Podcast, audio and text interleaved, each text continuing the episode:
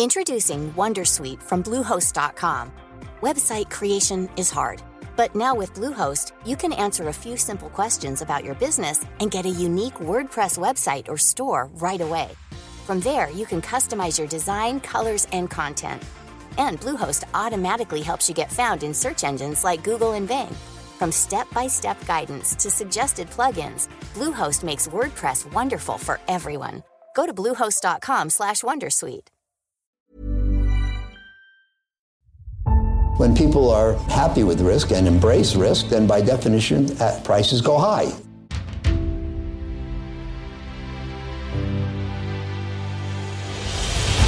When the cycle turns down, they generally sell at prices that are far too low. This is not about getting more information. We live in a world where we have too much data. I'm uh, happy to report another stable quarter.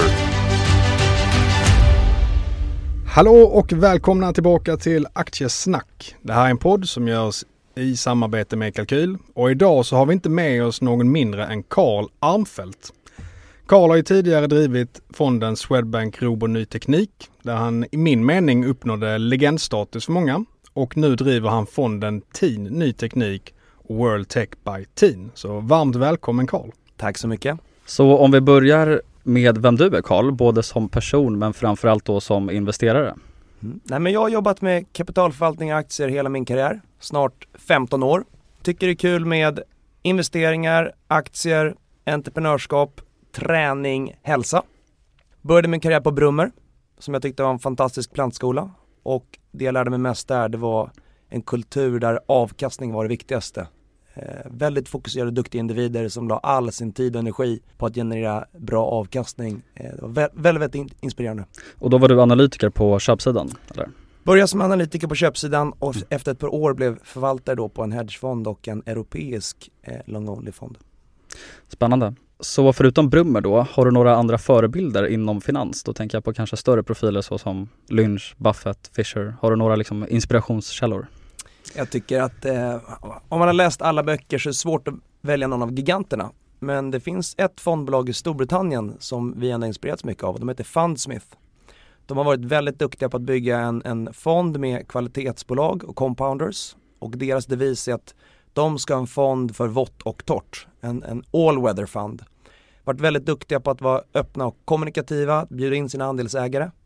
Och de har till och med en användarmanual som alla får, en pdf-fil när man köper fonden.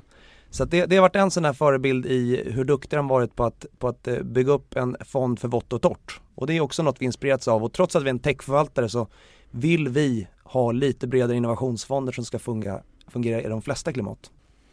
Men eh, om du inte har så mycket förebilder inom investering, har du några andra förebilder som har påverkat dig i din eh, karriär? Jag tror väldigt många idrottare och kanske inte minst också lite idrottsledare. Jag har hållit på med mycket olika sporter men, men eh, hade en tränare som hette Bela Reric. Eh, en ungrare som definitivt tillhörde det gamla gardet. Eh, jag tror sådana som han, de, de, sådana personer föds inte längre. Det var en person som producerade flest OS-guld av alla fäkttränare som någonsin funnits i Sverige. Och det var nog inte bara en tillfällighet, det var inte tur. Han hade en process som gick ut på att ställa enormt höga krav och eh, väldigt osvensk approach. När andra idrottslärare, eh, ledare i Sverige tyckte att det var helt okej okay att komma sent till träningen eller komma med mössan på inomhus. Så dök man upp till träningen där och hade mössa på dig, du blev utslängd i minst ett kvartal. Så att eh, väldigt annorlunda metod, väldigt tufft, men gav enormt bra resultat. Så att eh, jag tror just inom idrotten så eh, då finns det så många exempel på hur man ska träna, hur man ska tänka för att generera ett bättre resultat än andra. Och det, jag tycker att där kan man faktiskt ha mer praktisk lärdom än om man läser någon mm. finansbok och, och drar i sig 200 Warren Buffett-citat. Så att eh, jag tror just eh, in, inom idrotten så, så där hittar jag faktiskt mina absolut största förebilder även kopplat till det på, på daglig basis på jobbet. Men är det någonting du har tagit med dig då att disciplinen från idrotten har blivit någonting som gynnat dig i karriären inom finans också? Jag tror att eh, det, det var ett bra exempel på attityd och inställning. Och det är tillbaka till ett bolag som Evolution. Att om du inte vill någonting och om du inte är dedikerad till att generera ett bättre resultat än andra, då kommer inte göra det.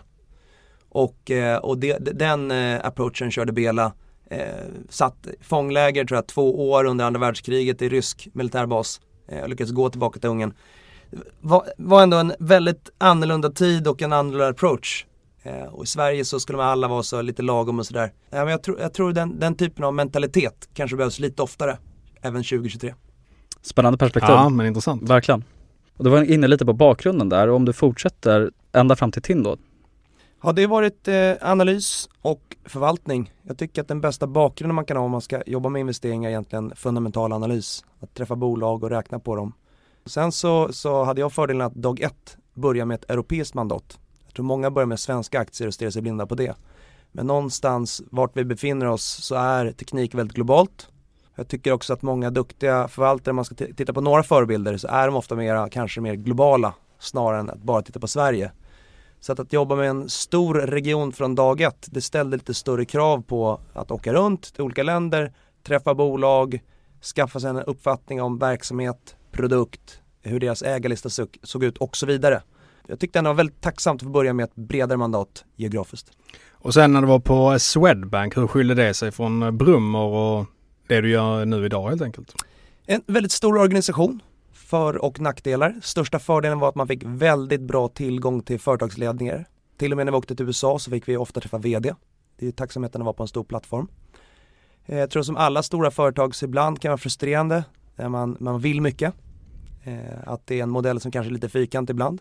Så någonstans, det vi fick lära oss de åren var ju att då drev ju en småbolagsförvaltning eh, och spenderade all tid med, med mindre bolag. Och det är lite av ett annat, en annan utmaning att lösa. Och jag tror någonstans att när man träffar många entreprenörsdrivna bolag så inser man efter ett tag varför går entreprenörsdrivna bolag bättre? Jag tror ändå det var en fråga som vi funderade väldigt mycket på och, och någonstans så kände väl vi att eh, det alltid varit en dröm att starta ett eget fondbolag. Eh, sen kanske man själv till och med underskattade hur tufft det var att få igång en verksamhet faktiskt. Det är inte lätt. Så att, eh, Vad är det som varit tuffast eh, med att få igång det? Det tuffaste är att instegsbarriärerna är så stora och någonstans alla lagkrav, regleringar, hållbarhetsdata, data måste du köpa in från externa leverantörer. Alla de kraven gör ändå att du måste ha en ganska stor volym bara för att ha ett fåtal anställda. Så, att, så att det var ändå någonting som, som var otroligt mycket tuffare det första året än vad vi hade kunnat gissa. Och hur mycket kapital förvaltar ni totalt nu? I dagsläget så är det lite över 10 miljarder kronor. Så fondbolaget har växt, eh, inte bara förvaltat kapital utan även antalet anställda. Jag tror någonstans över tid att ska vi göra ett bra jobb så måste vi växa, hitta fler talanger, bli ett stort bolag som finns länge. För det är också något som man lätt glömmer bort i en storbolagsmiljö. Det är att förvaltning är verkligen ett maraton. Det handlar om att göra ett bra jobb i 10 eller 15 år om du ska få ett resultat. Du kan inte jobba eh, ett år och sen förändra alla förutsättningar. Så jag tror att om vi ska lyckas i det långa loppet och vi försöker verkligen göra det här med ett långsiktigt perspektiv så ska vi fortsätta växa. Både kanske med nya produkter någon gång men inte minst att, eh, att utveckla de satsningar som vi har börjat med. Och där har ni också till exempel TIN Analytics. Berätta lite mer om det. Ja, egentligen vår frågeställning är alltid vad kan vi göra som kunden inte kan göra själv? Och eh, vi har ju suttit i många år och insett att våra digitala bolag lämnar mycket digitala spår. I USA så har vi eh, lite branschkollegor vi varit över och träffat. Många hedgefonder som är duktiga på scraping och att strukturera ostrukturerad data. Till exempel då så för ett par år sedan så satt vi inne och kollade mycket på, på Steam-data. Men om du suttit en dag och trycker på knappen F5 20 gånger så det tar sig in så att liksom det, det kanske inte är så skalbart. Det är en satsning där vi försöker strukturera ostrukturerad data. Vi, vi scrapar mycket på nätet, precis som Google gör och byggt ett antal crawlers. Och vi tror för, för våra bolag så trots att vi är så långsiktiga så märker vi att om vi har mycket data kring försäljning, hur det går. Dels så tror jag att vi gör färre misstag, men framförallt så blir det ett väldigt bra underlag för diskussion. Och den datan är i princip i realtid. Så kommer vi till ett bolagsmöte Snyggt. efter ett kvartal eh, och vi ser att ett bolag som Trustpilot kanske har växt långsammare än vi trodde. Det blir ändå naturligt en väldigt, väldigt bra fråga till bolagsledningen. Det startade vi för, för tre år sedan med en person. Eh, nu har vi växt teamet och jag tror någonstans det är en sån differentieringsfaktor som jag tycker är jätteviktig och som har gett oss faktiskt mer än vad vi hade trott när vi kickade igång. Så att, att göra saker som, som inte andra gör, det tror jag är viktigt över tid. Hur många anställda är ni på TIN idag totalt och är det fortfarande bara du och Erik som ansvarar för förvaltningen? I dagsläget så är vi åtta personer och eh, Erik och jag utgör investeringsteamet och sen så har TIN Analytics nyligen växt till två heltidsanställda. Och när det kommer till de här KPI som ni kollar då genom TIN Analytics, vad är det mer än bara Steam-data ni kollar på? Vi scrapar många sajter då, till exempel radannonser på nätet så mäter vi hur många som besöker sidan. Vi mäter också hur många annonser som kommer upp per timme, vilket vi såg dippade väldigt mycket under covid-krisen. Så att eh, det är lite olika dat data i olika sektorer. Där det har varit svårast har varit medicinteknik. Där har vi inte hittat så mycket data än. Det, det svåraste egentligen är inte att samla in data utan jag tycker att det vi lägger mycket tid på är att samla in data som är relevant och samla in någon data som har lite framtidsbäring. För någonstans, det ingen vet hur ett bolag går om tre eller tolv månader. Och någonstans nu inom dataspel då så har vi fokuserat mycket på engagemang och engagement. Och tror kanske att engagement är lite mer framåtblickande då än försäljningsstatistik. Så att hitta ett fåtal kopior eller siffror per bolag som nära knyter an till kärnan av affärsmodellen och sen mäta dem på ett bra sätt. Det, det är det vi försöker göra. Vi hade också ett, ett innehav tidigare, ett bolag eh, som håller på med visualisering av data, Tableau Data, som blev utköpt från, från fonden. De gjorde bara visualisering. Så även det är ett område där vi sitter nu, bygger våra egna verktyg utifrån det perspektivet som vi tittar på. Och jag tror att är man statistiker tänker man på en sak. Eh, många publika tjänster är väldigt komplexa. Investerar man med långsiktig horisont, då blir en visualisering en helt annat problem och en helt annan möjlighet. Och, och då tror jag att vi har liksom tillpassat alla de verktygen utifrån hur vi ser på bolag och, och värdeskapande. Och förutom eh, egna verktyg, vad använder ni då för tjänster? Vi har gjort det lite annorlunda, så vi använder inte Bloomberg. Jag tycker att eh, när man fastnar i Bloomberg och i Bloomberg-chatten så blir man inte så produktiv. Utan eh, vi har gått över mot fler och fler webbaserade tjänster. Så vi har gjort ett litet eget sammanplock med olika, vad det gäller värderingar, kvartals, eh, calls och så vidare. Eh, Quarter tycker jag är väldigt kul. Det är det enda svenska bolaget som vi har börjat använda mer och mer. Och eh, även börjat använda Quarter Pro nu. Ett axplock av framförallt lite mer webbaserade och kanske mer konsumenttillpassade tjänster snarare än ett, än ett Bloomberg som har ett otroligt djup. Mm. Men som inte alls jobbar efter kanske modern arkitektur. Och en vanlig arbetsdag för hur ser den ut? En vanlig arbetsdag så lägger vi mycket tid på att träffa bolag. Eh, det är det absolut viktigaste. Vi försöker att göra så många bolagsmöten som vi kan tillsammans. Däremot om vi är ute och presenterar eller gör annat jobb, då försöker vi dela på oss, Erik och jag. Just för att bli lite mer effektiva. Så att, att lägga så mycket tid som möjligt åt bolagen och portföljen, det, det är, tror jag är väldigt viktigt för oss, väldigt centralt i hela vår grundprocess för hur vi förvaltar och, och hur vi tror att man kan hitta och faktiskt skapa en meningsfullare avkastning över tid inom, inom teknik. Skiljer det sig mycket från hur ni jobbade på Swedbank? Det är egentligen samma. Mm. Jag tror största skillnaden nu det är ju frågan hur många fysiska resor kommer vi göra i framtiden? Eh, under covid var vi aldrig i USA under den perioden. Nu har vi varit i USA två gånger efter covid, vilket kanske är nästan lite för lite. Givet hur mycket som händer där borta. Att vara ute och träffa människor, både bolag, konkurrenter, uppstickare, bolag som vill till börs och så vidare. Eh, våga vara nyfiken, det, det, är väldigt mycket, det är väldigt viktigt att spendera den tiden. Sen blir det alltid svårt nu med Teams och sådär för det är väldigt effektivt att ta ett möte på 45 minuter med ett bolag som sitter i USA. Men, men att komma dit någon gång per år, att gå till deras huvudkontor, träffa grundare, vd, kanske till och med ordförande. Det är ändå något som historiskt har varit oerhört för, för hur vi har förvaltat och hittat bra idéer. Och på det temat så pratas det ofta om vad som är en bra aktieägare, ofta då med betoning på att en bra ägare ska vara långsiktig. Men vad är en bra institutionell ägare enligt dig då? Och då tänker jag i bolagens perspektiv och i termer med vad man bidrar med för kompetens till exempel. En sak som man ska ha klart för sig är att man ska aldrig eh, överskatta hur svårt det är att bidra med något. Och det är därför som jag tror att det är viktigt när man hittar bolag att hitta bolag som redan är bra och välskötta. För du kan stånga dig blodig. Det är otroligt svårt att påverka. Vi märker framförallt bland de mindre bolagen att det finns ett stort tomrum. Engagerade ägare som ställer rätt frågor och försöker någonstans att skapa rätt förutsättningar i en valberedning eller incitamentsprogram för att de ska kunna rekrytera talanger. Det, det är sådana frågor som, som vi ändå engagerar oss i och tror ändå att inte i alla bolag, men kanske fyra, fem bolag per år kan vi göra någon meningsfull skillnad. Och gör du ränta på ränta och du kan förbättra fyra bolag vad gäller corporate governance per år. Det är också en sån faktor som över tid borde bidra med. Mm. Så att, att egentligen vara kanske också lite mer lyhörd. Att sätta entreprenören i centrum, bolaget och deras produkt och kanske vara lite mer flexibel då än de största drakarna. som framförallt då utländska institutioner eller proxy voters, eh, de jobbar inte riktigt så. Om vi kollar lite på flöden så har det varit en ganska het potatis under 2022 när det varit mycket utflöden från fonder och liknande. Hur har det varit att navigera den marknaden med kanske de här lite mindre innehaven som ni ibland kan ha? Har det varit svårt för er nu under 2022? Eh, man är ändå glad att man nu har ändå jobbat 15 år och få, fått se ett antal kriser. För jag tror, om man jämför då förvaltning med idrott, så tror jag ändå att, att talang är mindre viktigt inom förvaltning än vad det är inom idrott. Och träning är allt viktigare. Så att desto fler kriser man gått igenom, och det kan allt från, jag satt och kollade mycket på cleantech 07-08, när den bubblan totalt imploderade, nästan mer än vad techbubblan gjorde 0001 som småbolagsförvaltare nu så om man skulle beskriva klimatet under förra året så, så tror jag att det var, vi hade utflöden i början på året, sen har det varit ganska lugnt. Och då måste man bara ha den erfarenheten att vara duktig på att hantera likviditet. Och då tar det mer tid. Så sådana år så tvingas man lägga mer tid på trading och att, att eh, balansera likviditet i portföljen. Kanske ibland lite går ut över att träffa bolag och prata om produkt.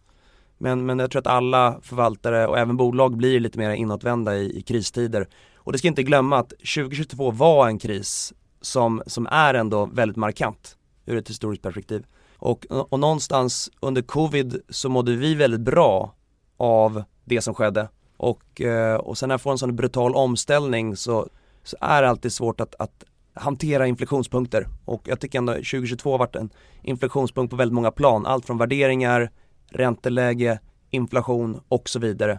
Beskriver man läget nu i Q4 så märker man också bland många småbolagsförvaltare att det varit lite av ett tomrum. Väldigt få som gjort förändringar och framförallt då väldigt dålig likviditet bland de minsta småbolagen. Har ni försökt ha lite mer likvida bolag då för att parera där? Vi har gjort en, en omställning under hela förra året där vi har avryttat många mindre innehav och ökat i bolag, inte alltid bara till likviditet i aktier men framförallt lite mer bevisade och starkare fria kassaflöden. Är det ofta så att till exempel Novo Nordisk kan användas då för att det finns likviditet i ett så stort bolag? Att ni använder det när det blir utflöden från fonden till exempel? Man måste titta på total likviditeten i hela portföljen, att mm. den är god. Eh, Novo Nordisk för mig är inte en kvasikassa och framförallt inte nu. För det är det mest imponerande bolaget som finns i Norden vad gäller kapitalallokering.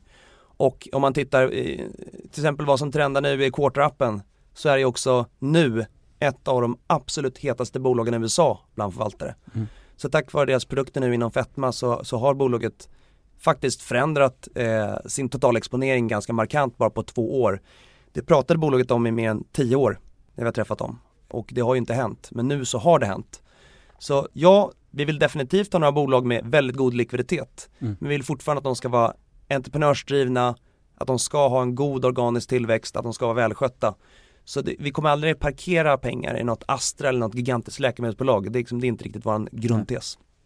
Och du nämnde ju entreprenörsledda bolag här, att, att ni tycker om det. Och då undrar jag lite hur det ser ut på TIN också med insiderägande. För det vet jag, det är ett nyckeltal som ni tittar mycket på, som ni, som ni gillar. Det, det har jag hört i intervjuer och så vidare. Så hur ser det ut på TIN? Äger ni för egna medel i fonden? Vi sparar båda i alla våra fonder mm. eh, och vi har sagt att vi båda, Erik och jag, har merparten av vårt sparande i de egna fonderna. Och jag tror att det är en väldigt, i grunden väldigt sund princip för att göra ett bättre jobb. Om, om skin the game funkar i de bolag vi investerar så borde det även funka ett fondbolag. Mm. Jag tror ändå att man gör ett bättre jobb över tid. Och det finns det statistik på också? Det finns statistik på det också mm. och ibland så blir man lite förvånad när, när stora fondförvaltare går ut och berättar om fantastiska investeringsidéer som inte är deras egna produkter. Det tycker jag är lite konstigt. Så att över tid så, så definitivt så ska vi också tänka utifrån vårt eget perspektiv. Va, vad är det mest attraktiva i de två produkter vi har? För att vi själva ska gilla fonderna, det tycker jag är en bra grund, mm. grunddevis. Och vi var inne på ett innehav tidigare, Novo Nordisk. Och om vi då går över till Embracer, hur ser ni på bolaget nu och att aktien har haft det så jäkla tufft? Något som är återkommande är att man kommer alltid ha problembarn varje år. Förra året kursmässigt var det faktiskt Evolution, som vart, eller för förra året var det Evolution som vart sorgbarn eh, och som har repat sig ganska bra efter det. Här under 2022 så var det Embracer som haft det tuffast bland topp 10. Vi skulle kunna, frågan blir hur mycket tid har vi? Man skulle kunna spendera många timmar på att prata om, om Embracer. Men, men i grund och botten så, så tycker vi att eh, det är ett entreprenörslett bolag. Vi tycker att eh, de har en struktur som gör Embracer till ett bra långsiktigt hem för dataspelsutvecklare. Vi tycker ändå att Ashmodi vill man vara negativ, kanske de betalar en lite för, för dyr slant för det förvärvet. Men det som var charmen i Ashmodi-förvärvet och det vi gillade med den transaktionen var att det fria kassaflödet i AAA är inte alltid fantastiskt. Det ser man även på Take-Two Interactive som är mycket större än Embracer men ändå inte genererar så mycket fritt kassaflöde. Och jag tror att när man tittade på, på Embracer innan de förvärvade Ashmodee inom brädspel så tyckte vi ändå att det var en så, så pass attraktiv finansiell diversifiering och de har ett mycket starkare fritt kassaflöde i Ashmodee att kombinationen gör att vi kan ändå luta oss tillbaka lite mera och inse att då, då är de inte lika beroende av att varenda AAA-titel som kommer närmsta 3-4 åren ska vara en smash hit för att, för att bolaget ska gå bra. Så att vi, vi, vi tyckte ändå att det var en, en bra transaktion i grund och botten. Märker också nu att eh, någonstans hela sektorn fått lite baksmäll efter covid, framförallt bland investerare. Men när vi tittar på underliggande engagemang och eh, statistik så ser vi att spelandet fortsätter öka. Nu så är det många bolag som har kommit med lite vinstvarningar här nu, sista månaden. Så att kanske att konsumenten håller lite hårdare i plånboken. Men över ett 2 till 5 års perspektiv så tror inte vi att något har förändrats mot tidigare. Att bolag som gör digitala spel och kan digitalt distribuera något som är omspelbart, det är fortfarande väldigt attraktivt. Och jag tror ändå att Embracer nu på riktigt har brutit upp och blivit faktiskt en av de stora aktörerna inom hela sektorn globalt. Och eh, att nå en sån position, det är någonting som också är värdefullt i lite längre perspektivet. Och på tal om det här med storlek, hur ser ni på Lars Wingefors roll i det hela? För han har ju varit en stor del av caset, men ju större bolaget blir, ju mindre blir hans roll egentligen. Men tycker du fortfarande att han har en väldigt stor påverkan eller hur ser det ut där? Vi tycker att bolaget är entreprenörsdrivet. Vi, vi tycker att det är bra att han är en stor aktieägare. Baksidan av att ha en, en stark drivande person är att det blir ett större personberoende. Och det vill man inte heller ha. Så att det, det är lite ibland svårt att sätta en sån balansgång. Han har hållit på med spel väldigt länge. Han har gjort väldigt många affärer. Jag tror också att i en industri som har industrialiserats än mer och konkurrenter som Tencent skickar delegationen på 30 pers vid någon slags ma diskussion så tror jag att tillbaka till dealmaking 101, att åka runt, vara generös med sin tid, knacka på, skaka hand. Vi tror ändå att den modellen har gjort att han har kunnat göra bättre förvärv än andra inom sektorn. Så att definitivt så, så ser det positivt på att de har byggt ett liksom, stort huvudkontor och någonstans bygger lite strukturkapital runt Lars. Men, men så att späder man ut en entreprenör, ja eller nej, jag vet inte. Frågan är väl kanske lite annorlunda ställt än som jag skulle se på det. Men ser du fortfarande det som att eh, Embracer då är ett bolag lett av många små entreprenörer nu istället? Att det har liksom blivit en del av styrkan? Att Lars har satt sin prägel på förvärven, att det fortfarande är entreprenörer som driver det vidare? strukturen de har är att det är ett decentraliserat bolag. De eh, entreprenörer som har hoppat på Embracer och blivit en del av den här gemenskapen, de måste ha rätt struktur, rätt förutsättning för att tycka att det fortsatt är kul. Jag tror att där har man ändå lyckats okej okay och jag hoppas att alla de här earnout-modellerna, att man ändå har fått till alla terms att alla är nöjda. Däremot så, så är det så att reflexivitet är viktigt. George Soros har skrivit mycket, väldigt mycket om det. Och eh, vi har sett i andra bolag att när en aktiekurs går lite för dåligt då tappar folk självförtroendet.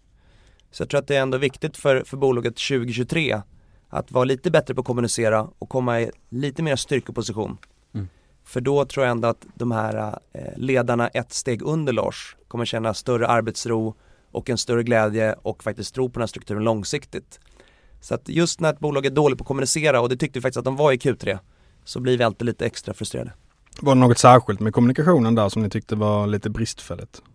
Ja, det var en presentation där bolaget inte en enda gång berättade varför de fanns.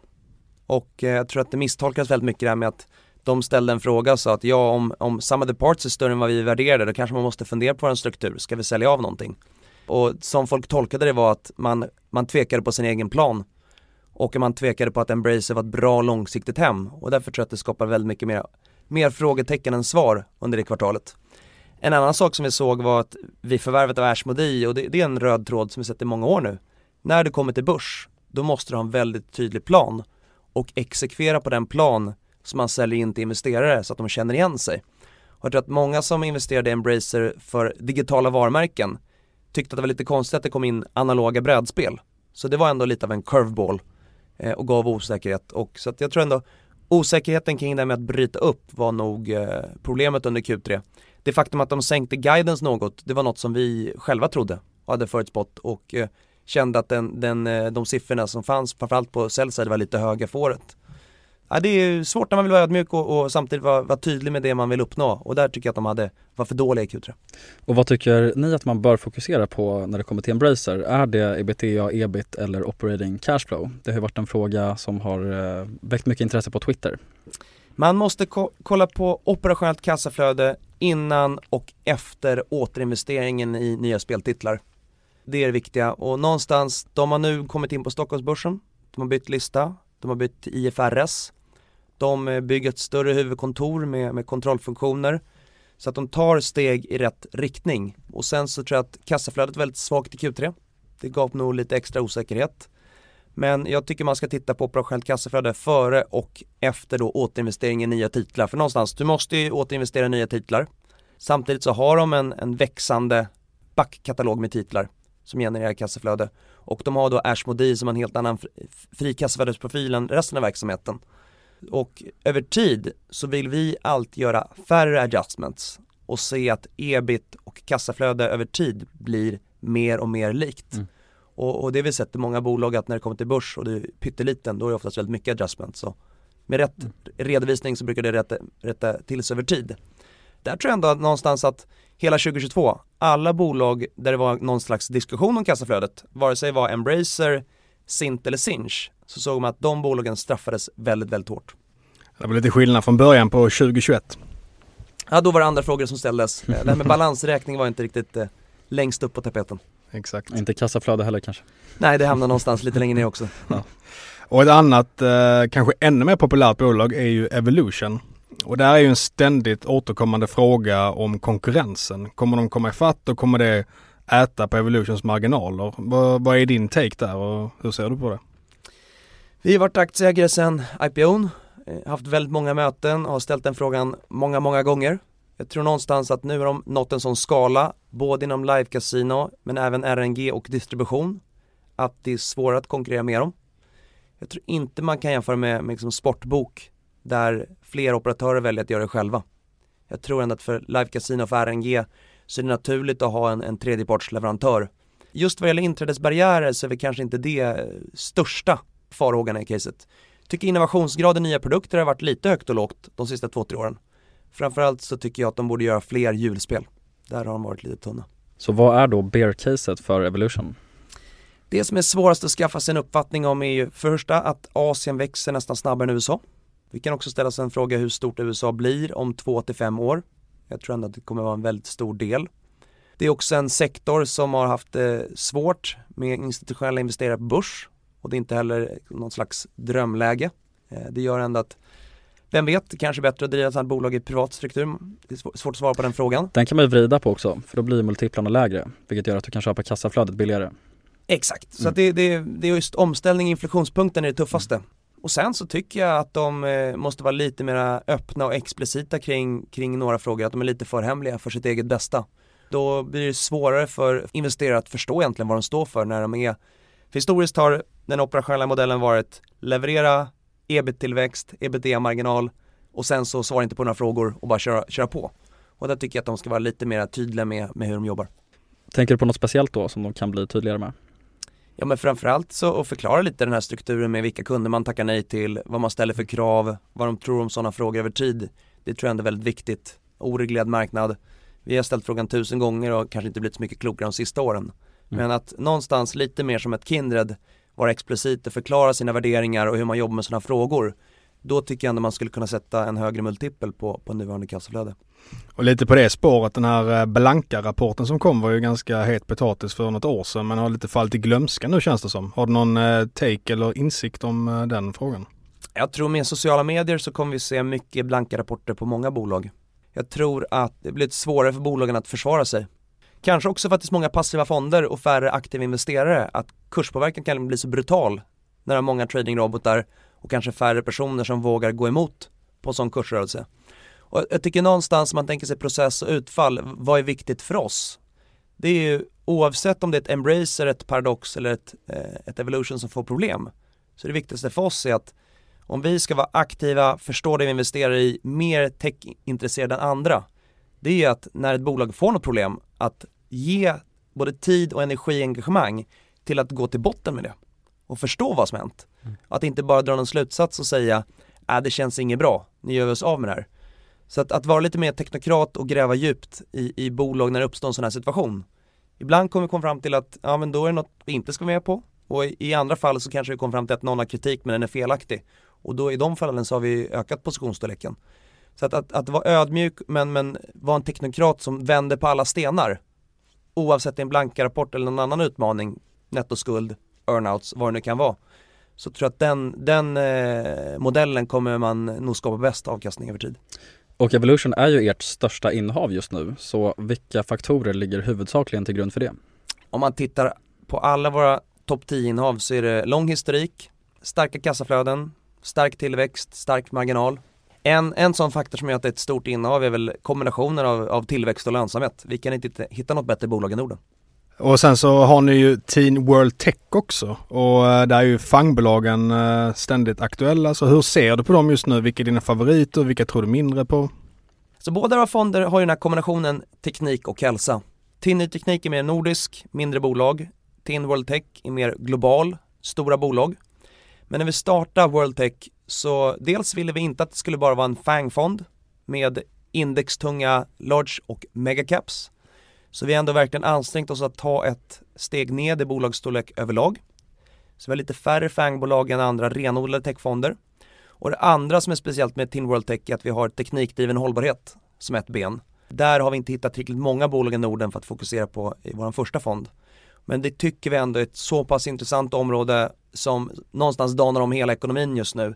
Att där kommer vi hitta bolag som, som kan generera exceptionellt aktieägarvärde. Så att FANG-bolagen då så, så har vi två i fonden. Det är Microsoft och det är Alphabet. Om man tittar på tillväxt så växer Microsoft nu 20% har en 42% ebit-marginal. Enorm eh, medvind i eh, cloud. Och eh, monopol är ju som småbarn, att man tycker inte om dem tills man har ett själv.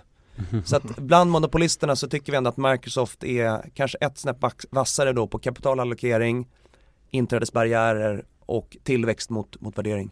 Competition is for losers. Peter ja. Thiel titta på bara det här med Teams och, och mm. no, vi tittar på våra egna beteende på firman efter, efter covid så inser vi att eh, det blir svårt att rippa ut eh, Microsoft 365 ur, ur vår mm. verksamhet. Lägger ni lika mycket tid på att analysera de verksamheterna som de nordiska bolagen? Desto mindre bolag, desto mer tid tar det. Mm, vad det jag misstänkte. Framförallt när ett bolag går helt perfekt och eh, kör på alla sex cylindrar, då kanske det inte behöver spendera så många minuter på varje kvartalskål mm. eller möte. Men uppstår någon inflektionspunkt eller någon förändring eller någon ifrågasättning då måste du spendera exponentiellt mycket mer tid om du ska vara på bollen. Så att de globala jättarna, det går, eh, det blir färre möten per år. För det är ändå mer genomlyst och lite lättare att förstå och få armarna runt omkring. Varför äger ni inte Amazon? Vi har väl alltid gillat mjukvara lite mer än hårdvara. Eh, Netflix är det här klassiska fangbolaget vi gillat minst, även Facebook tycker mm. vi är mycket svårare. Eh, de två fangbolagen vi skulle kunna ha det är egentligen då Amazon och Apple som vi tycker är ändå lite bättre. De står på, i alla fall på eh, avbytarbänken. Spännande, då får du lyssna på vårt eh, förra avsnitt, avsnitt 36, så kör vi en deep dive på Exakt, Amazon. Exakt, och där såg ju Peter Netflix lite också, så då ja, kan ni bonda över det. Och, och uh, hyllade Amazon, minst sagt. Men du, du berörde ju också förnybar energiaktier. Ser du några speciella sektorer där eller typ av bolag som du tycker är lite extra intressanta just nu?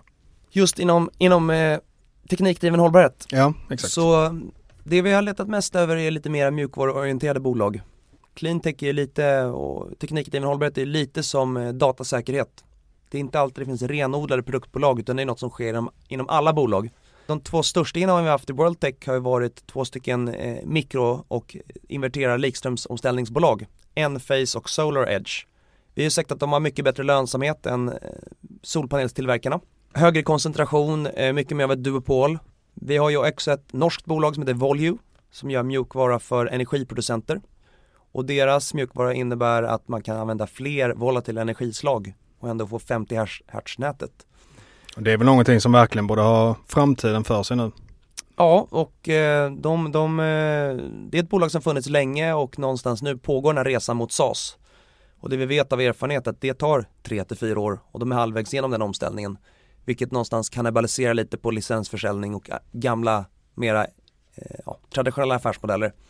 Men, men hela den sektorn är superintressant. Det som är utmaningen där är att värderingen inom, inom teknikdriven hållbarhet har blivit ohållbara. Den typen av fonder har fått för mycket kapital och det är väl egentligen enda området inom vårt gebit där vi ser lite av bubbelvärderingar just nu. Så det är väldigt svårt att hitta nya bolag. Mm.